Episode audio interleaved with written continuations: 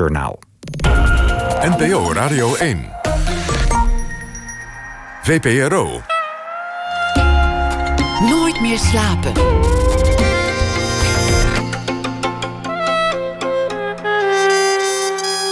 Met Lotje IJzermans.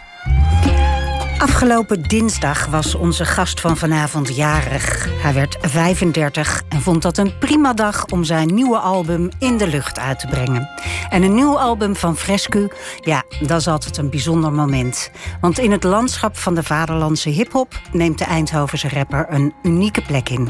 Hij is namelijk niet alleen ongelooflijk persoonlijk en openhartig, hij is ook echt een verhalenverteller. Frescu rijpt over dingen die hem oprecht raken, zoals liefde en geloof en zijn familie. Maar ook over het uh, conflict tussen Israël en Palestina bijvoorbeeld. En over zijn grote persoonlijke strijd, het verslaan van zijn eigen geest, zoals hij dat noemt. Frescu is geboren als Roy Raymond en uh, groeide op in Eindhoven. Totdat zijn ouders scheiden en hij op zijn zevende samen met zijn zusje onverwacht met vader mee moest naar Curaçao. Duurde zeven jaar eer hij zijn moeder weer zag. In Eindhoven, de stad waar hij nog steeds woont, nu samen met zijn vrouw Lieke en hun drie kinderen. Welkom. Ja, mooi. Ja, wat goed. Wat. Uh... Wat een heel verhaal, wauw. Ik, ja. was er even stil van. Gefeliciteerd nog met je verjaardag, Dank maar je ook uh, met je zesde plaat in elf jaar. Waanzinnig. Ja, ja ik, uh, ik sta ervan te kijken.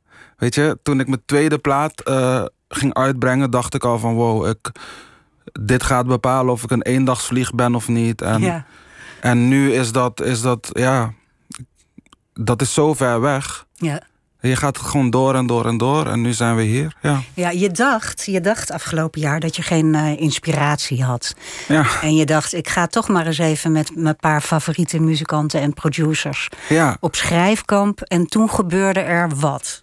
Ja, dus we, zit, we zitten met z'n allen in dat huis. En het zijn allemaal jongens waar ik echt uh, naar opkijk. Uh, hun discipline, maar ook gewoon muzikaal, creatief. Waar ze zitten. Op welk niveau.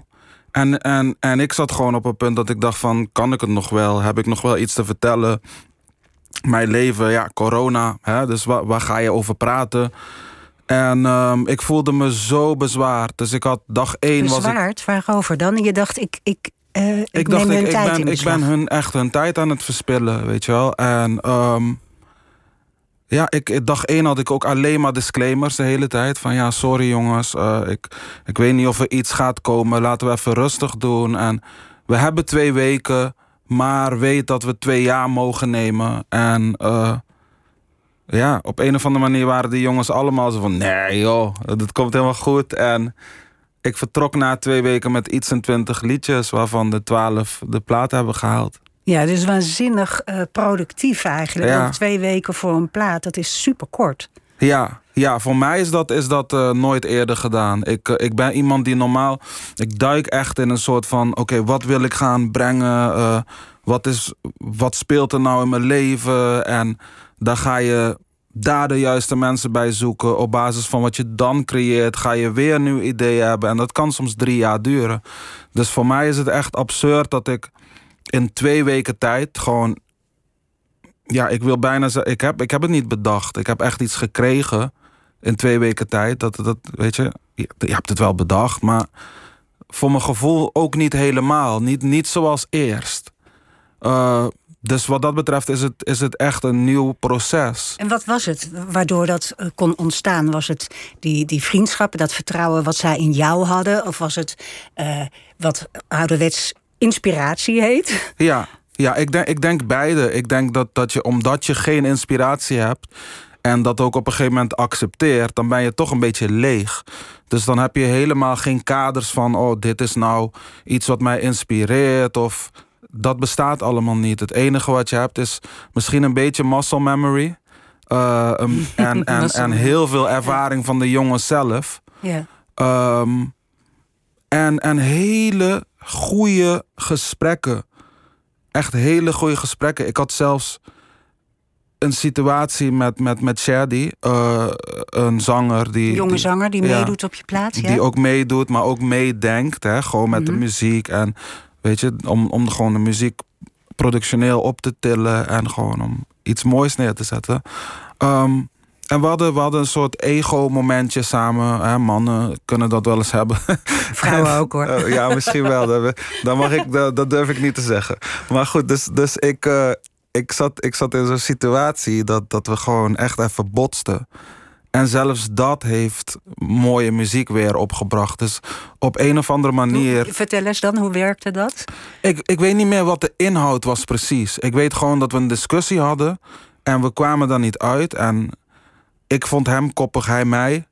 En toen was het een beetje van let op je toon. Nou, hoe bedoel je let op je toon? Ja. En voor je het weet werd er een wat? stoel Ja. gesmeten. en dacht ik, wat, gaan we dit nou echt doen? En toen weet je, het is helemaal uit de hand gelopen. Niks gebeurd verder. Het is weer heel rustig geworden daarna. En ik heb hem ook weer... Ik heb hem rustig gekregen eigenlijk. Ook omdat ik, omdat ik echt dacht, dit, ik wil dit niet. Hij is een te goede vriend van me. En weet je, het gebeurt gewoon. Soms ben je zo intiem met mensen dat je bijna broer of zus wordt. Ja, en, en, en dan krijg je wat broers en zussen doen. En welk, en welk liedje heeft dit opgeleverd? Eh, dat was het, het- op de plaat, het laatste liedje. Niet het laatste liedje wat ik schreef. Ehm, het liedje heet Dunja. Ja.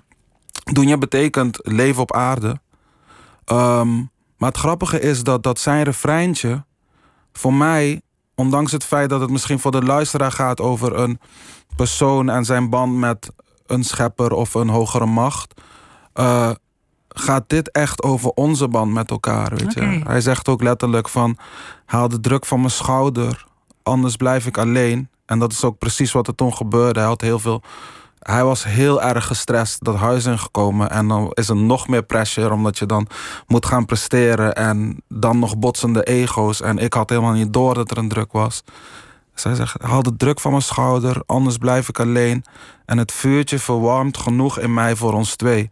Dus het is zo mooi, bijna sexy geschreven. En dan gaat het, dan gaat het ergens ook over ons, weet je wel. Ja. En Het, ik vind hem zo goed daarin. Maar dat, dat, dit is maar één voorbeeld van hoe...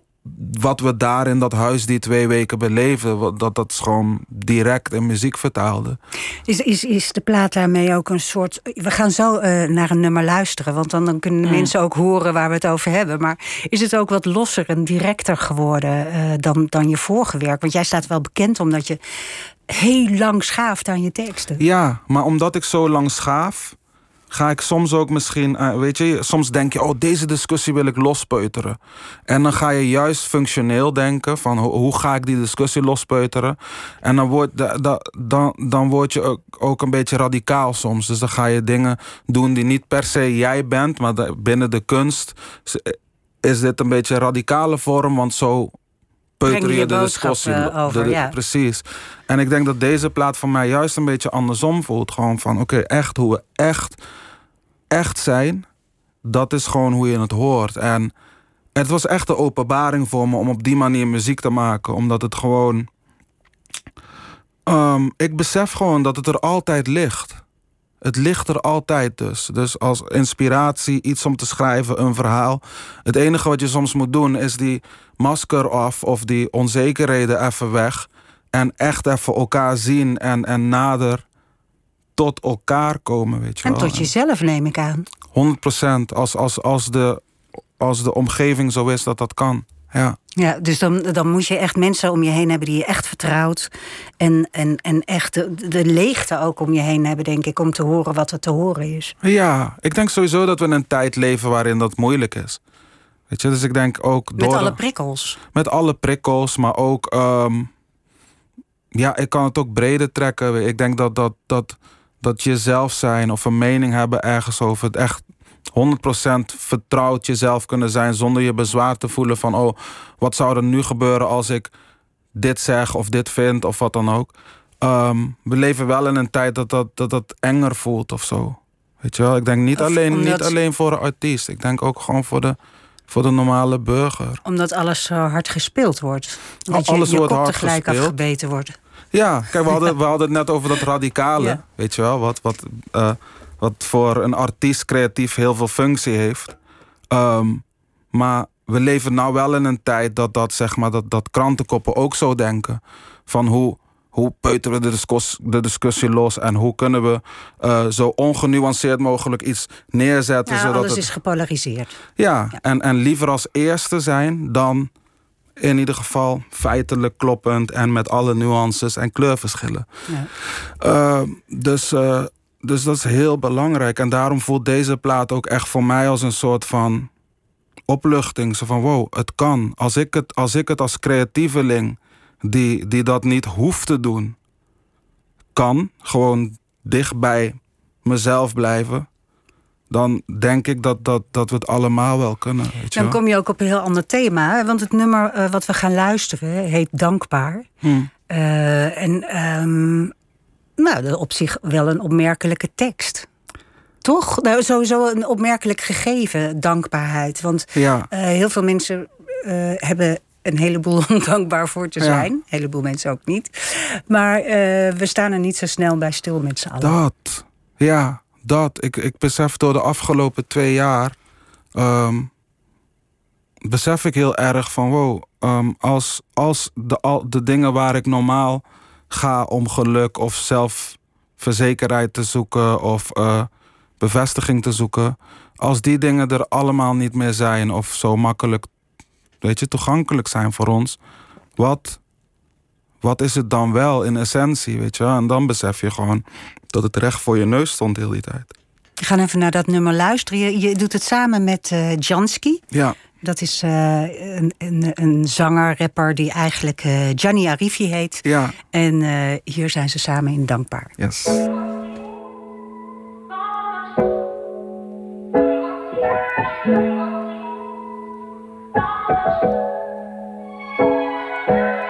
Iedereen kan vallen, bro, maar waarop het neerkomt. Is ga je weer staan, los van hoe je neerkomt. Kan je het telkens weer staan, telkens als het weer komt. Hou je het echt een keer vol, als een echte kerel. Keer de rollen om in deze omgekeerde wereld. Blijf die bal terugkaatsen, telkens als het weer rolt. Ik deel mijn lessen en je denkt je kent mijn leer. School, ey, ik kan niet beschrijven wat ik weer stond. Of hoe vaak ik ben gevallen en ik weer stond. Hoeveel man ik heb verwijderd uit mijn cirkel. Stank van dank daar, die dingen worden standaard. Maar ben alsnog zo dankbaar. Yeah. Soms is het jammer hoe die dingen zijn gelopen. Ik accepteer het, want ik heb al lang gekozen. En de prijs is al betaald. Ook al lukt het niet, ik ben dankbaar. Wat ik maar verdien, ben dankbaar.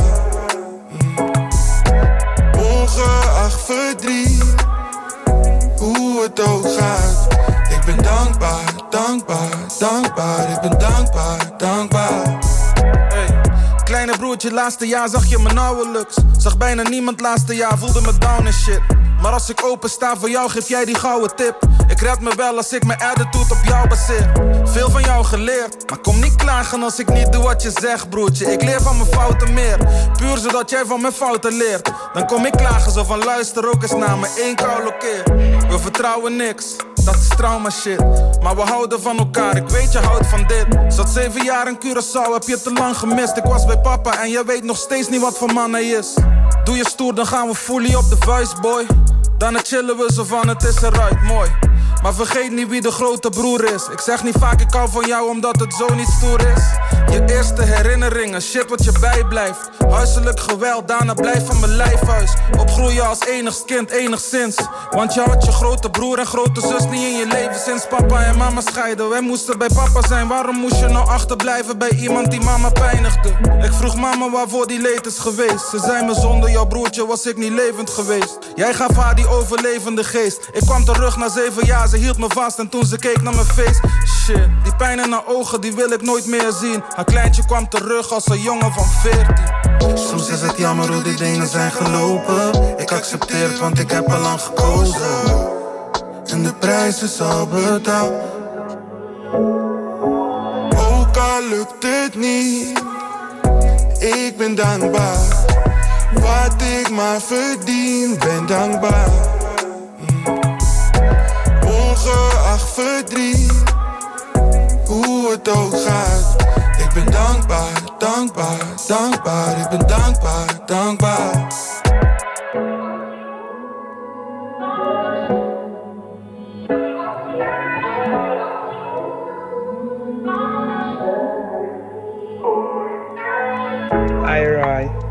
I send it for you. And I think to myself, you are so busy. Maybe it's gonna be a long time before you saw it. But I am so happy, I am so happy you get it, and I am so thankful for what you have said. I am so thankful. I haven't heard from you guys. Now and then I'll send something for Esther, but you, I don't hear much about you. But honey, I love you, I love you. You know Betty love you. Een heel ontroerend stukje, hè? Dit, dit laatste stukje Ja. van iemand.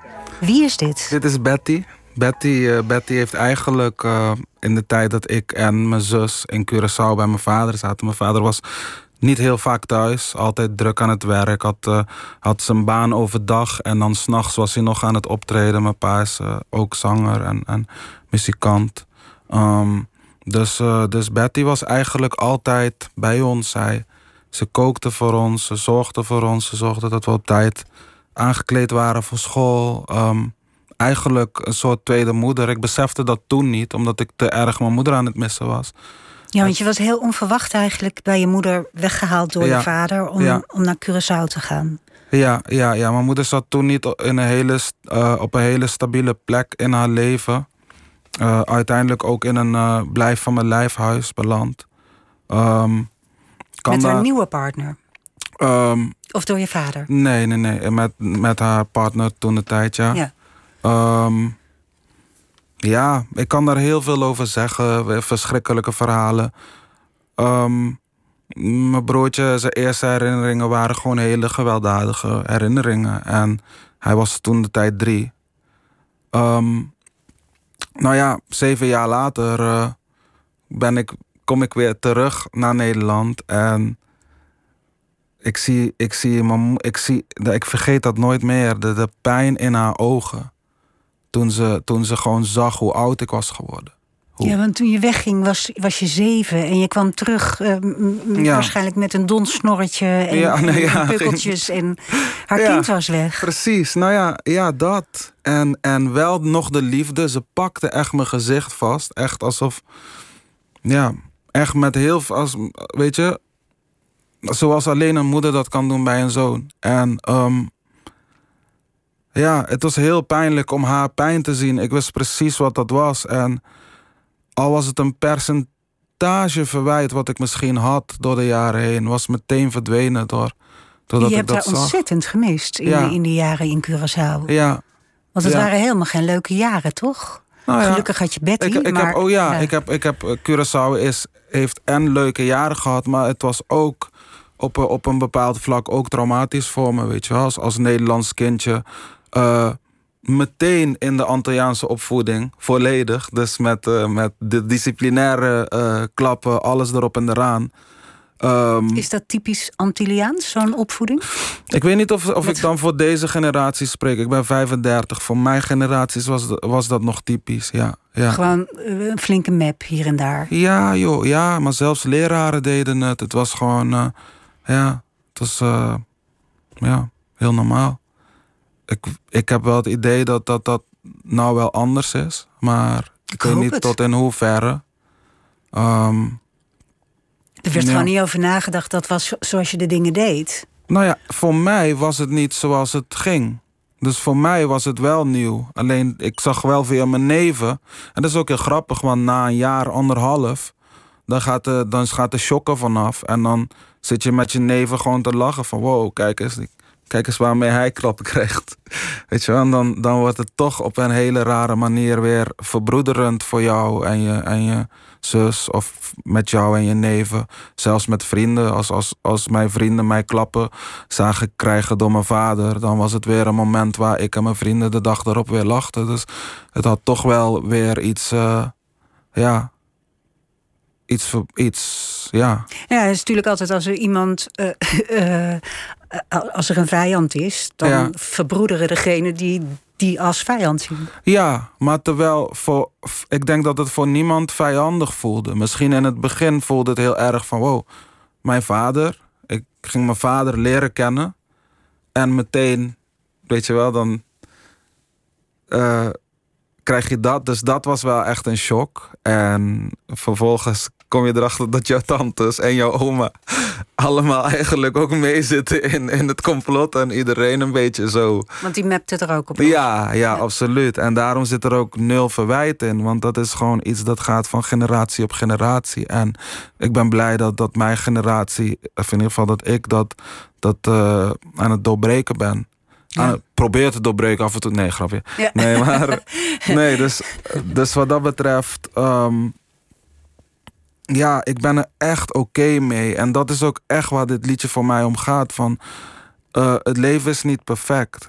Wat dacht je nou? Dat je geboren gaat worden en dat je helemaal nul struggles of nul strijd of nul pijn. Weet je? Iedereen heeft zo zijn ding. En, en ik ben echt heel erg dankbaar dat wij aan, aan het einde van dit alles, we zitten er nog in, maar in ieder geval waar we nu zijn, dat we er zo uitgekomen zijn. Een van de dingen die ik begrijp, die, die jou in Curaçao overkomen uh, is, is dat je eigenlijk heel, hele slechte ogen had en dat niemand daar aandacht voor had. Ja. Dat vond ik nou heel aangrijpend. Ja, ja.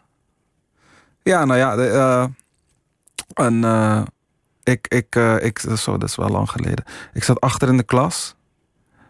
Ik kon het bord niet zien. Ik was veel te schuw om überhaupt aan te geven dat ik het bord niet kon zien. Ik was heel goed in gewoon doen alsof ik het wel kon zien. Ondertussen was ik niet echt aan het schrijven in mijn schrift, maar gewoon aan het tekenen of tekst aan het schrijven, gewoon mijn dingetje aan het doen. En uh, zo kwam ik een beetje door, uh, door mijn schooljaren heen daar. Um, en pas toen ik weer in Nederland kwam, uh, zat ik met mijn moeder iets te kijken op tv. En hier in Nederland heb je echt nog ondertiteling onder, onder de tv. En ik kon gewoon de ondertiteling niet lezen. En toen, mijn moeder had een bril op en ze zegt, doe mijn bril eens op. En toen ineens zag ik de ondertiteling scherp. En uh, dus ik heb, gewoon, ik heb gewoon mijn jeugd, mijn school, in ieder geval een groot deel van mijn jeugd in Curaçao zonder bril ja, maar dat betekent dat je niet alleen niet kan lezen, maar je kan ook niet goed in de verte kijken. En ja. Waarschijnlijk krijg je er ook niet heel veel zelfvertrouwen van als je, als je niet goed ziet.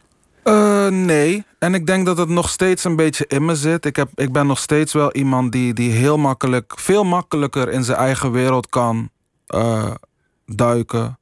Dan dat ik zeg maar echt super sociaal ben. Terwijl ik wel echt, denk ik, mm, heel goed ben in sociaal wenselijk gedrag. En weet je, maar echt van nature uh, moet ik echt uitkijken.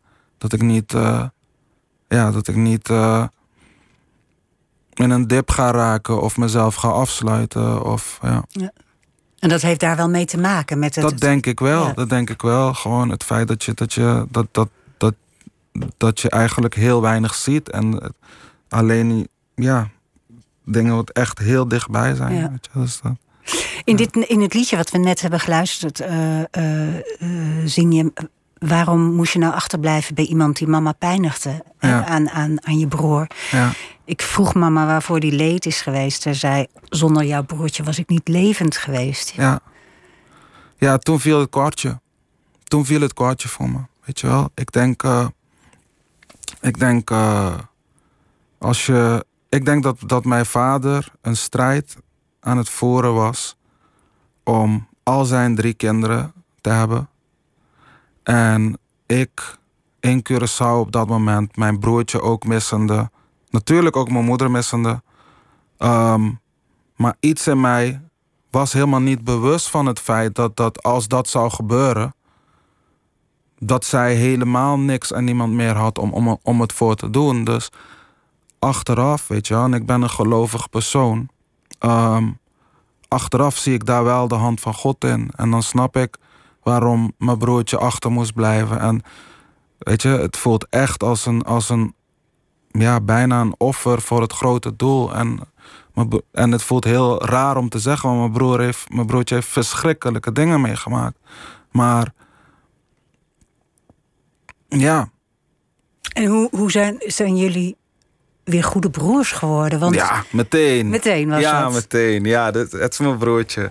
Weet je wel, hij, ik kwam, ik kwam uh, naar Nederland en hij was heel erg Crack David fan, dat weet ik nog. Had een beugel, had echt, uh, had ook een bril. Um, had, zijn, had echt zijn broek zo echt zijn, zijn t-shirt in zijn, in zijn broek en zijn broek echt zo tot onder zijn navel. Ik zeg, bro, haal die, haal die t-shirt eruit. Weet je, zo moet je Hij zag kleden. super netjes uit. Ja, hij was super nerdy, weet je wel. En eh, ja, en kort daarop, hij ging, weet je, hij ging ook meer van hip-hop houden. Hij ging basketballen. Als hij ruzie had in de buurt, kon hij mij halen. Weet je wel, dus hij ging opleven. Daardoor ging ik ook opleven. We hadden samen een stapelbed in een kamertje in, in, in een flat. Dus het was, ja, het was echt, het was zo'n mooie, gezellige tijd, meteen. Ja, Toch heeft, toch heeft eh, je jeugd best wel veel sporen getrokken in wie je bent. ja, Ehm, je hebt er heel vaak over geschreven al. Hè? Op, Hmm. op al je albums kom- komen er wel teksten voor die erna verwijzen. ja. Die, die trauma's, vind je nou dat die eh, in de loop der jaren... Kom je daar nou verder in? Ik denk, ik denk wel dat ik mezelf beter ben gaan leren kennen. Ik weet in ieder geval, zeg maar, waar ik, me, waar ik mezelf vroeger echt labiel vond. Omdat ik dacht van, hoezo ben ik nou depressief? Of hoezo eh, heb ik eh, verlatingsangst in relaties? En weet je, je gaat dan ook jezelf extra erom straffen. Inmiddels ken ik mezelf heel goed. Ik, ken, ik weet precies wat waar vandaan komt. En ik weet ook precies waar de valkuilen zitten. Ik weet wat, wat triggert. Ehm, waardoor ik gewoon eigenlijk best wel goed met mezelf om kan gaan. Ik kan zelfs voorspellen van oké, als dit nou gaat gebeuren, dat is een ingrediënt voor depressie. Dus ik moet opletten. En mocht ik dat voelen, dan moet ik wel in een man- op een manier komen dat ik ietsjes meer safe zet, weet je wel. En, Ja, ja dus je, hebt Ja. echt, je weet waar, waar, de, de signaaltjes eh, rood gaan branden. Ja. En, en daar kun je omheen manoeuvreren. Toch, toch schrijf je in, je in je nummers dat je heel vaak piekert en wakker ligt. Ja. En ligt te malen. Ja. ja, ik ben een denker. Altijd al geweest. Ik ben iemand die, eh, die meer, ja, echt, eh, ik kan echt verdwalen in mijn hoofd. Ik kan echt, echt verdwalen in mijn hoofd. Ik kan je kan niet uitleggen hoe dat proces gaat. Ik, ik, ik, heb, laatst, ik, heb, ik heb dat, laatste keer dat ik dat had, is een paar dagen geleden. En dan had ik net ehm, een soort eh, luistersessie gehad waar ik heel veel dierbaren, eh, waar heel, heel veel dierbaren naartoe kwamen. Sorry. Ehm, ik heb ze zelf niet uitgenodigd, maar eh, eh, ze zijn wel uitgenodigd. Ik denk door, door Lieke. Ehm, Je vrouw die ook je Ja. manager is, hè? Precies, maar dan besef je ineens van hoeveel mensen met hoeveel talent die zoveel betekenen en die ook zoveel verwachten. En, en dan lig je in bed, weet je, en dan ga je nadenken en dan denk je, ja, heb ik die wel genoeg aandacht gegeven? Wat zal die wel denken? Oh, die kwam opdagen terwijl die er ook was en volgens mij was dat een dingetje. En, en dan lig je gewoon wakker. Weet je wel, dat is gewoon wat altijd bij mij gebeurt. Ik, ik, ik ga te lang, eh, mm, ja, te lang over dingen piekeren. Gewoon omdat, omdat je het goed wil doen. Omdat je alles goed wil doen voor alles en iedereen. En, en waarom wil je dat? Ehm goeie vraag. Omdat dat, is, dat de man is die ik wil zijn voor mijn mensen. Ja. Het is wel een hele zware last op je schouders als je alles goed wil doen. Want dat, Ja. dat lukt gewoon niet.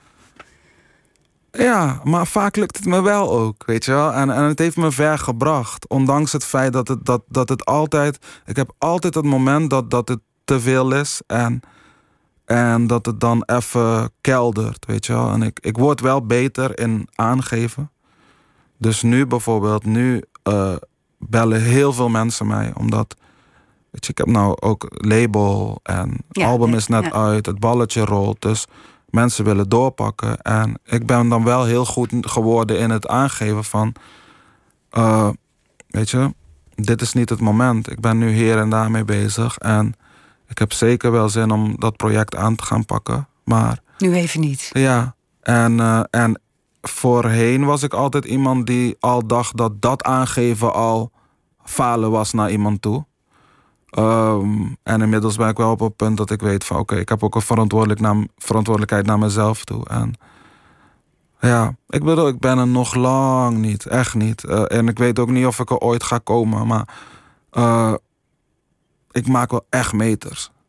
En, en daar ben ik echt oké mee. En ben je daar ook trots op?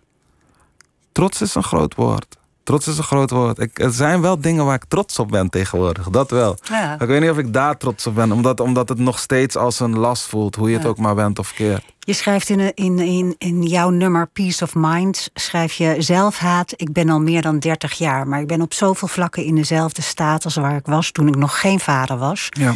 En nu draag ik die titel, maar het verzwaart de last. Ja. Dus het, het, vaderschap drukt ook op je... omdat je eigenlijk Tuurlijk. ook daar veel te veel je best wil doen. Het is het toppunt van, van verantwoordelijkheid. Ik denk dat ik, dat ik nergens meer verantwoordelijkheidsgevoel voel dan bij vader zijn. En ik ben al iemand die het in de kleinste zaken voelt. Het weegt heel zwaar. Wat voor vader ben je? Ik denk dat ik een leuke vader ben. Ik denk dat ik een, een, een, een moeilijke vader ben over de dingen waar ik over nadenk en de dingen. Mijn oudste is nou elf. Zij wil de laatste cheerleader ergens. Dus je dochter, hè? Ja. Ja. En eh, natuurlijk mag ze dat.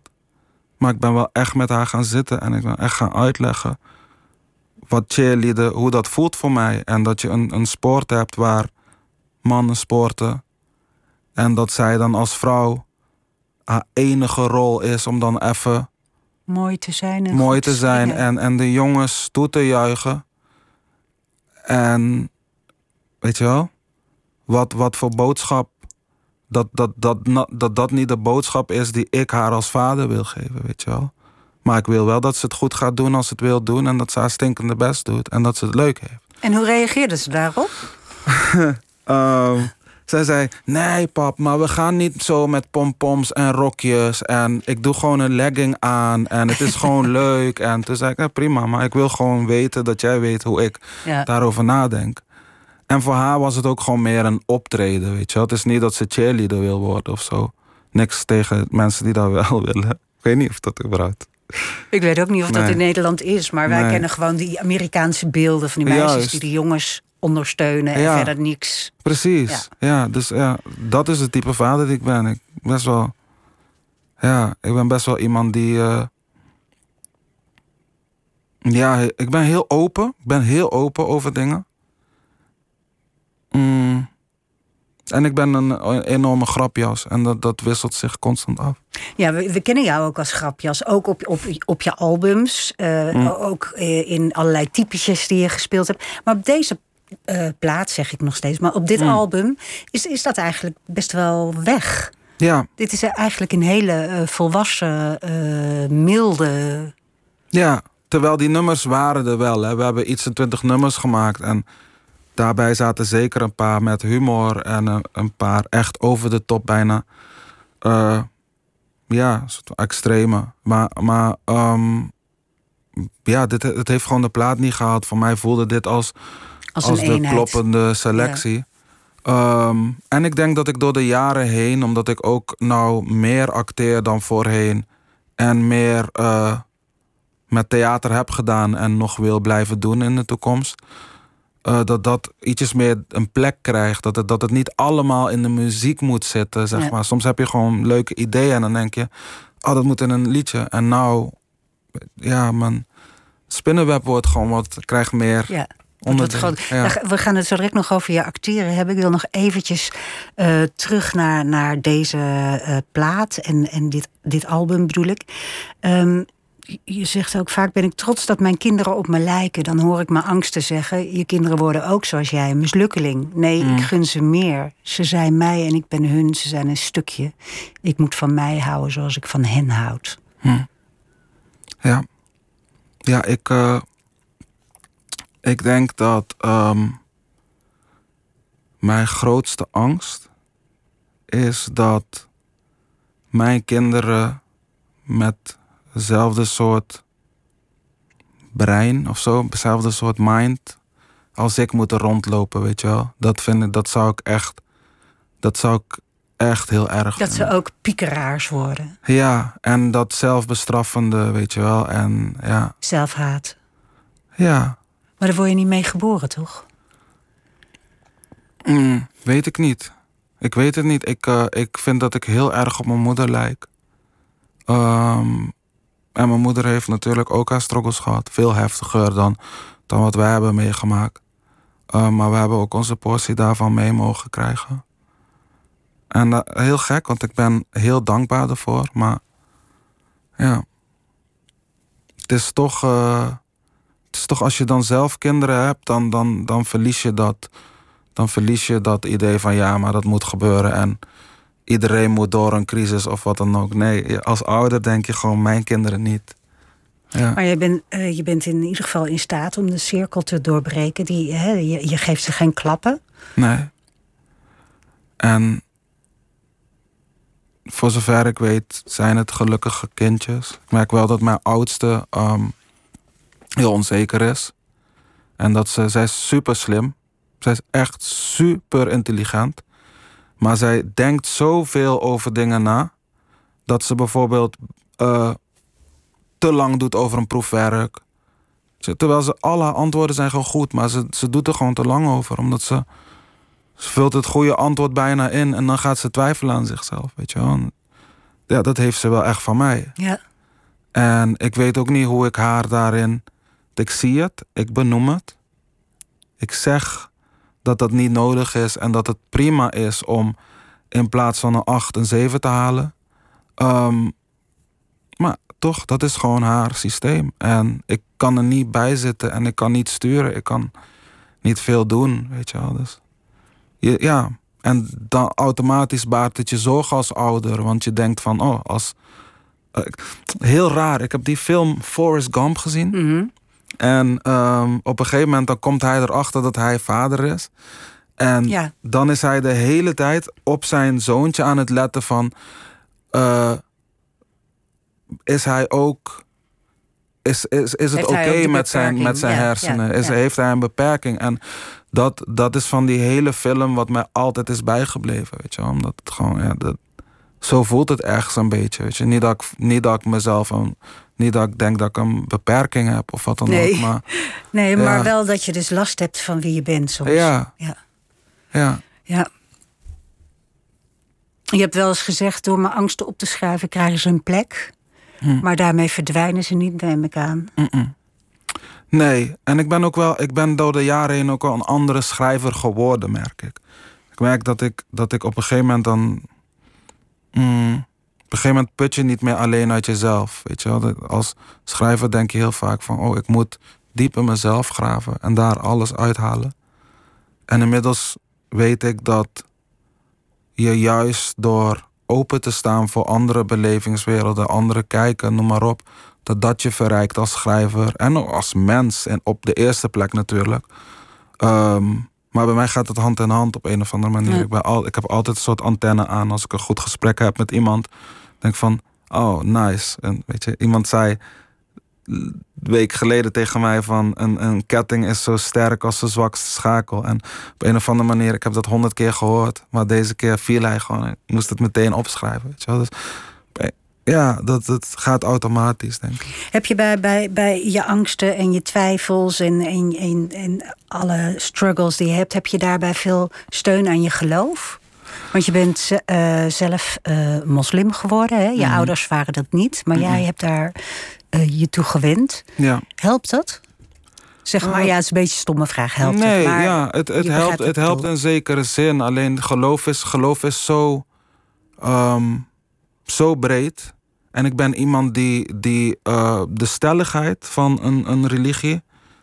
ehm, daar heb ik niet zoveel mee. Dus ondanks het feit dat ik, dat ik me wel heb bekeerd. En, en dat dit voor mij echt, echt mijn geloof is. ehm, heb ik wel het idee dat ik het anders zie, weet je wel. Ik heb sowieso het idee dat zodra je ehm, iets moet afkaderen... dan voelt het alsof je een waarheid aan het beschermen bent. En dan voelt het voor mij niet meer als de waarheid op een of andere gekke manier. Ehm, en en dat, dat, daar, daar hebben moslims ook last van. Weet je wel, dus, dus ik probeer wel, Wat zeg je maar... precies? Nou ja, Ik snap het niet helemaal. Ehm, als, ik, als ik echt in, in het geloof duik, dan probeer ik echt. De beste manier om dat te zeggen is ook echt met mijn hart te lezen. Mhm. En ik heb echt moeite met het. ehm, dit is wat moet. En weet je, dogma. Die rigide kant, ja. ja, ja. omdat dat dan meteen voor mij voelt alsof, alsof, je, alsof je niet meer bezig bent met eh, de spirituele kant of de zielskant, maar meer, of de hartkant, hoe je het wil zien, Mhm. Ehm, maar meer met het eh, machtkant en het afkaderen van een waarheid, omdat dat dan moet, weet ik veel, moet groeien of Want wat geeft het jouw zielskant? Ehm, kijk, mensen denken altijd dat dat geloof hoop is. Weet je wel, maar hoop, hoop is in feite een latent woord. Het, het doet niet zoveel, het zit stil en je hoopt. En geloof is een actief woord. Het is, het is de geloof betekent letterlijk dat je je gedraagt alsof hetgene wat je diep van binnen hoopt waar is. Ja. Dus, dus dat is hoe ik probeer om ook het geloof in het geloof te staan. En, ehm, en als het gaat om eh, hoe ik voor de medemens wil zijn, als het gaat om hoe ik in het leven wil staan, als het gaat om hoe ik eh, corruptie ten alle tijden, eh, weet je, wil tegengaan, et cetera. Daar put ik heel veel uit mijn geloof. Weet je, omdat ik dan weet van het gaat even niet omdat ik me veilig voel of omdat dit niet comfortabel is of ik ga me nergens achter schuilen. Weet je wel? Gaat het dan om puurheid of om liefde? Of om wat, wat, zou, je, wat zou het woord zijn het dat is, het maar voor dat jou... is, het is zo breed. Het is zo breed. Ja. Vooral, vooral de islam. Want je hebt, je, hebt, je hebt heel veel kanten eraan. Je hebt een spirituele kant. Maar dan heb je ook nog een kant die zegt van ja, maar als dit gebeurt. En dan is het bijna een soort van wetboek. Van als je scheidt, dan hoort het zo of zo of zo te gaan. Dus, en ik, ik kijk dan niet alleen naar hoe het hoort. Maar vooral naar de waarom. En, en ik probeer ook te vertalen en hertalen de hele tijd voor mezelf omdat ik denk dat het belangrijk is. We leven in een, in een, in een, in een tijd waarin je niet. ehm, waarin, ondanks het feit dat dingen nog steeds van toepassing zijn, moet je nog wel vinden hoe. En daarbij is, is, is taal ook echt zo'n ingewikkeld iets. Weet je wel, taal, taal is, is.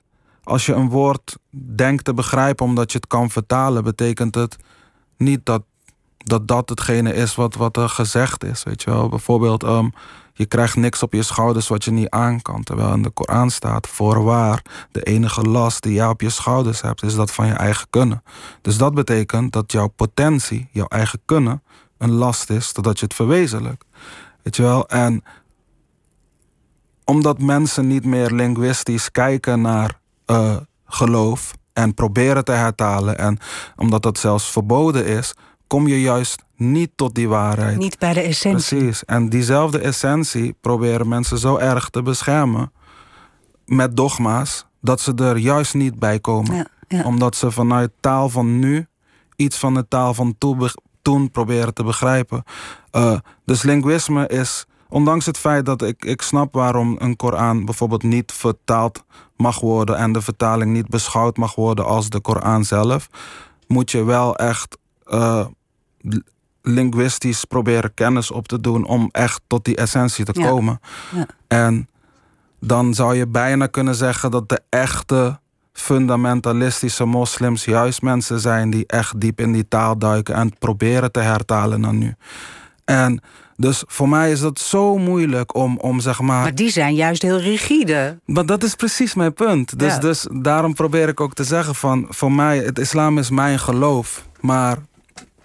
En, en dat, dat, dat, dat kan ik echt voor 100% in mijn hart zo voelen. Maar alles wat ik nou zeg... denk ik dat heel veel moslims hier naar luisteren en denken... nee, Ja. absoluut niet. Ja. Dit is wat er staat en zo, weet je. En dat is... Ja, ik vind, dat is heel kwalijk. Ik denk omdat je zeg maar iets... God, God is oneindig. Het is het grootste wat er is. En je pakt, en je pakt het en je stopt het in een potje. En, van, en je plakt er etiketjes en Ja. regeltjes op. Ja, Ja. Ik, ik ben altijd eh, licht jaloers op mensen die een geloof hebben. Want ik heb dat helemaal niet. Maar heb je wel. Alleen voor jou is het. Heeft, er- je hebt geen religie. Iedereen heeft een geloof. Jouw geloof is waar je voor beweegt. Dat is jouw geloof.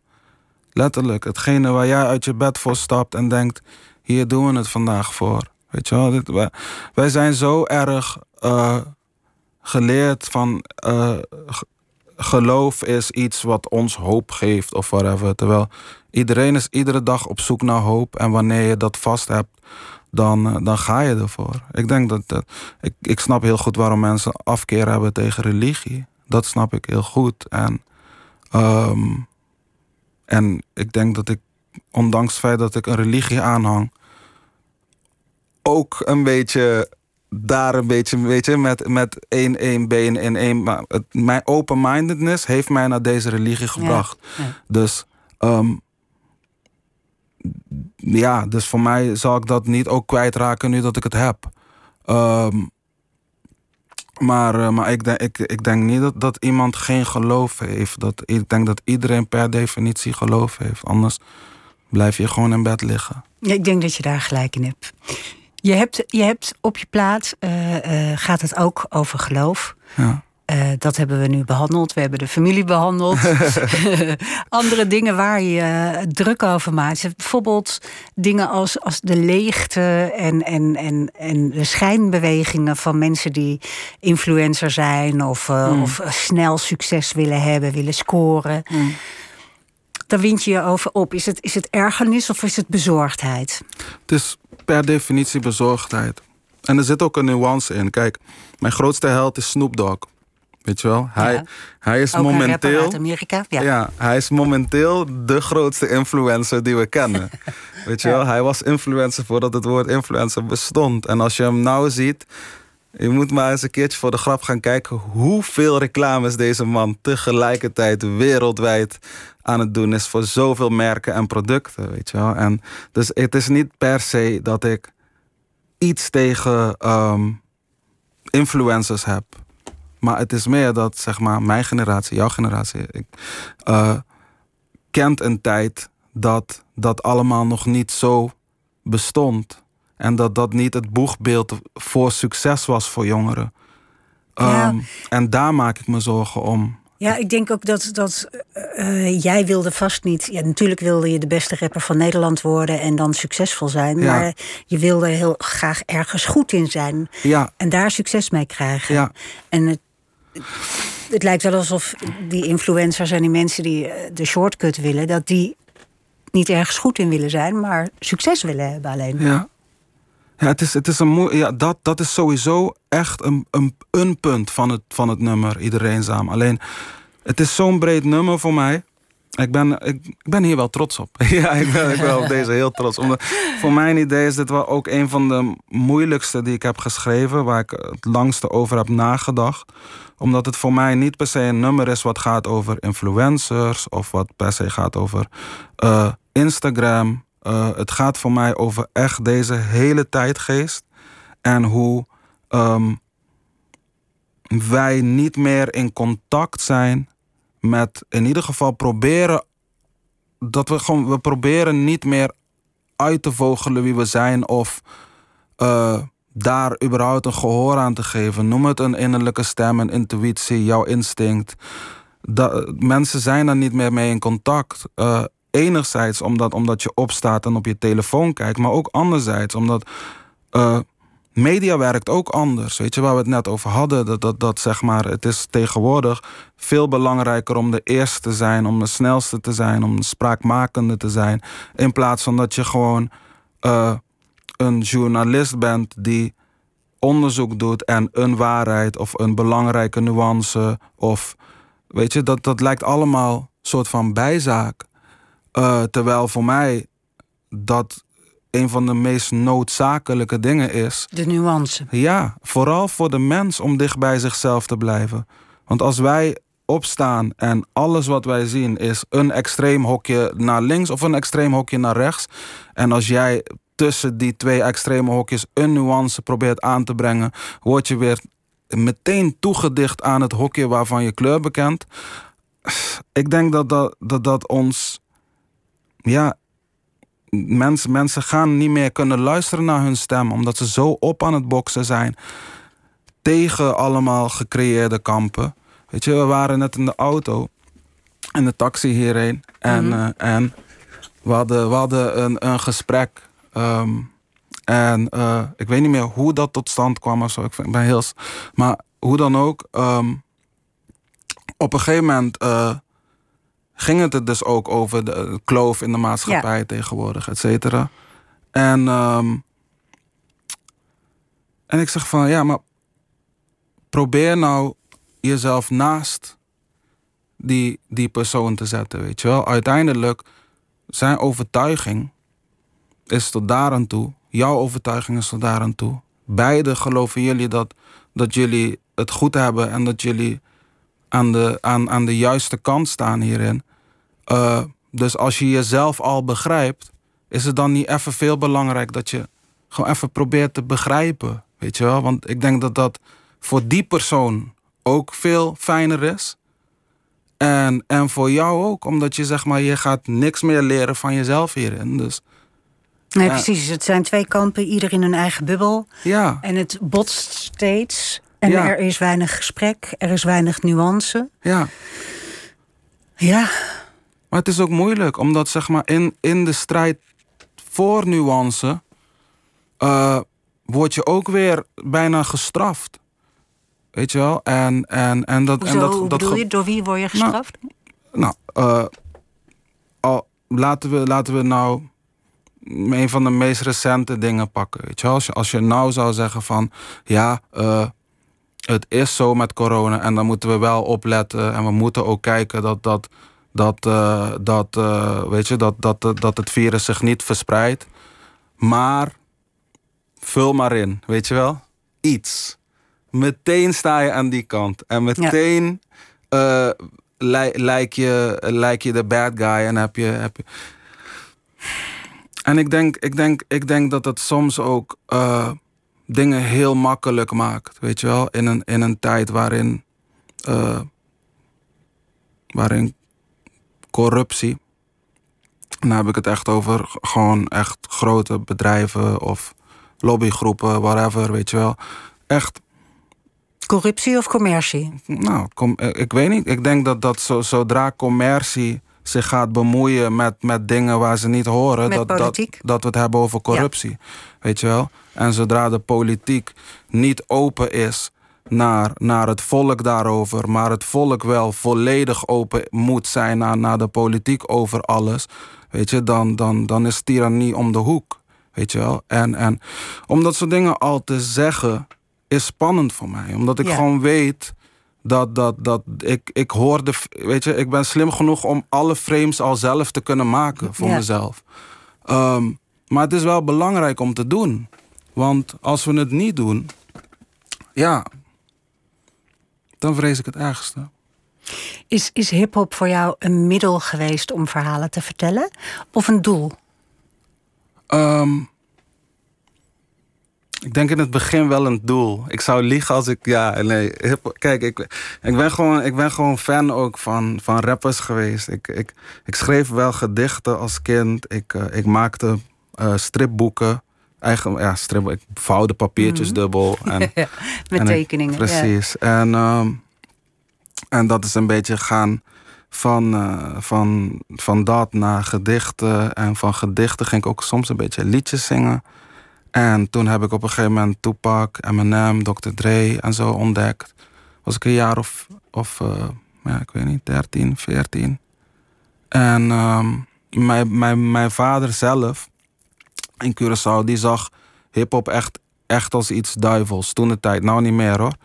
Maar eh, als we daarnaar luisterden, dan had hij echt het idee dat we, dat we nou echt naar duivelse muziek aan het luisteren waren. Dat is heel grappig. Dus hij, ehm, het feit dat hij dat zo eh, bijna ja, verbieden, maakte het natuurlijk veel interessanter. Ja, ja. En op een gegeven moment vond hij allemaal cd's en wilde hij die kapot maken. Toen hebben we hem overgehaald van nee, daar hebben we toch geld voor eh, betaald. Geef het alsjeblieft aan onze neven. En toen iedere keer als we bij, bij mijn oma waren, wat eh, na een paar jaar steeds meer werd, omdat mijn pa gewoon veel drukker en drukker werd. ehm, ja, gingen we gewoon daar hip-hop luisteren. En dat voelde gewoon als, als iets. Mm, dat was zalig. weet je wel? Ja. ja. Dus voor mij is het altijd gebleven. Maar je doet ook andere dingen. Je acteert, eh, je bent in het theater geweest.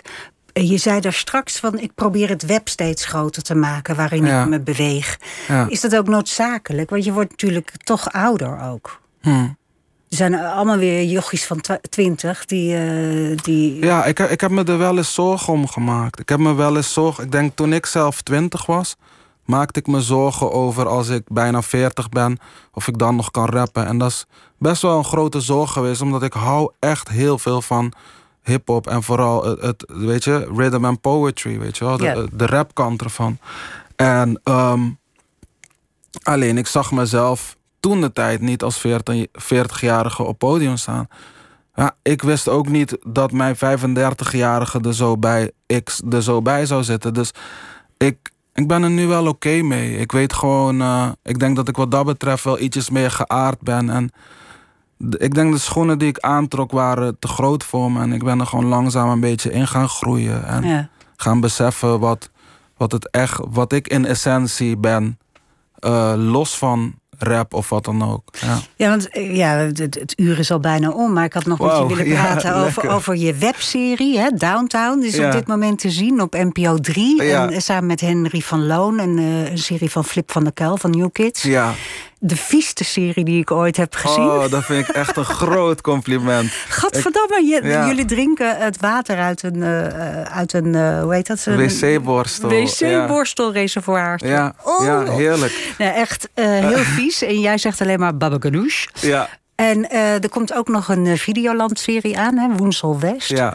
Dus eh, ja, jouw, jouw, jouw terrein wordt steeds breder. En, en, en je gaat je op steeds meer vlakken profileren. Ja, ja ik, vind, ik vind dat ook belangrijk, dat dat ook bestaat. Weet je wel, de, de reden waarom ik dat überhaupt voor mezelf wilde is... We, zit- we leven in een tijd van cancelcultuur. En, en ik ben wel iemand, ik, sta al, ik wil altijd voor het vrije woord staan. En, en voor mij is het echt belangrijk om gewoon humor, humor te laten. En ik, wat ik zo leuk vind aan, de- aan deze serie van Flip van der Kuil en, Stefan Miras...